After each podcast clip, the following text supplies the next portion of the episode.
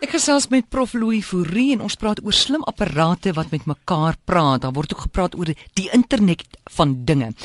Nou Louis, kan 'n mens sê dat daar oor die jare 'n groot klemverskywing ten opsigte van die internet plaasgevind het? Amore baie beslis. Kyk, met die koms van die web hier so in die vroeë 90er jare het die klem ons veral op inligting geval. Ons praat van die internet of die web van inligting, want ons het moskielike toegang begin kry tot hierdie groot wil ek amper sê magdom van inligting en daarom was dit die web van inligting. En toe die nuwe millennium nou aanbreek, toe begin uh, Facebook en Twitter al die dinge begin so later, bietjie later of die sosiale media, sosiale netwerke begin baie baie gewild raak. En toe begin ons praat van nou is dit nie meer net om te weet waar inligting is nie, maar dis die internet van mense, die web van mense. Dis daardie netwerk van mense wat belangrik is. Dis meer belangrik wie ek ken as die inligting waartoe ek toegang kan hê.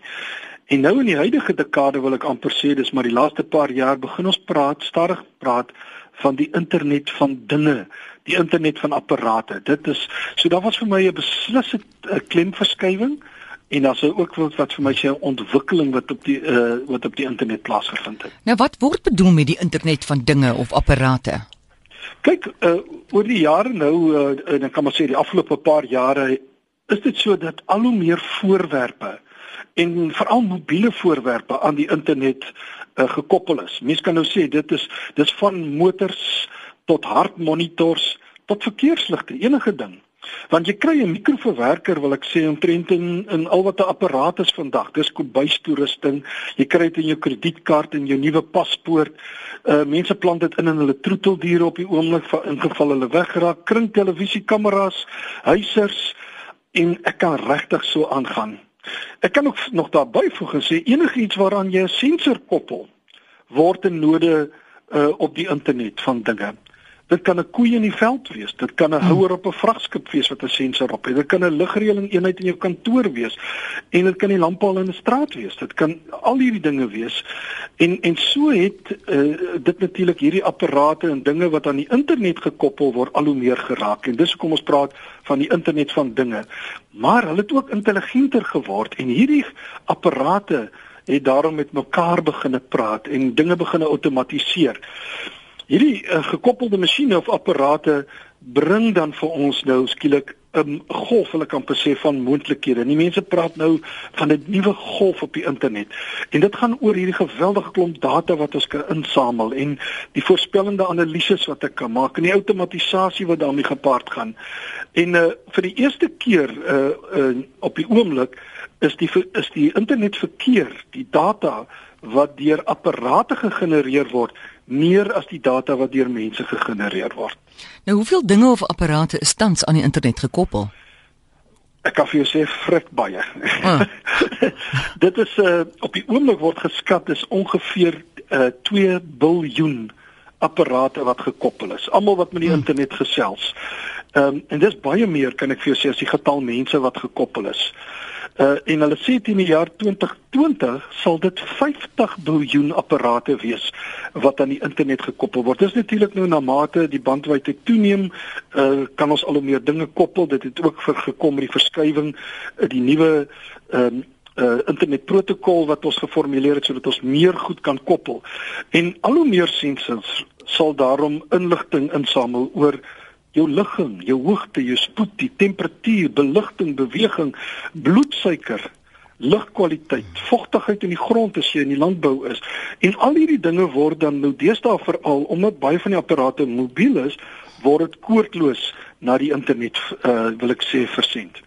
So uh baie baie apparate wat gekoppel is en is goed, dit is aan die groei. Hoorie, kan mens iemand se emosies uh, meet daarmee? Sê maar iemand wat op 'n ander kontinent sit. Of oh, goed, daar is uh, van die uh, nie wat ek weet van die sensors wat jy kan inplant nie. Uh, daar is natuurlik uh, verskeie kledingstukke wat ehm uh, wat van soort van naam vir jou kan sê ehm uh, ek kan voel as jy my 'n drukkie gee en ek kan mm. seker 'n bietjie van die emosies maar ek dink nie ons het al baie groot sukses daarmee behaal nie. Goed of net iemand alhoewel nie 'n ander kontinent nie as jy wil net weet wat jou baas emosies vandag. Jy weet ek man daai baas vir jou as mens net kon weet soos jy sê dan sal dit help. Dit sal baie help. Jy weet hulle moet dink aan sulke dinge wat 'n mens se lewe kan makliker maak. Louis, wat is die waarde van al hierdie gekoppelde apparate? Weet jy uh, almore in die eerste plek uh, ag dit is eintlik baie eenvoudige voor die hand liggend wil ek sê. In die eerste plek is daar natuurlik die massiewe hoeveelheid uh, data wat wat nou uh, vir ons uh, voor ons hande is. Jy weet natuurlik ons praat al hoe meer van groot data, big data praat die mense van en dis nou een van die van die gonswoorde op die oomblik en en dit raak vir ons waardevol want as ek dit begin in uh, ontleed verstaan ek my kliënt soveel beter, kan ek tendense voorspel, kan ek beter beplan, kan ek beter besluite neem. So daar's hierdie hierdie data en jy sal sien baie beroepe in die toekoms gaan te doen hê met groot data. Ons het hierdie massiewe hoeveelheid data wat ons nie eens weet waar om te begin vat daaraan nie.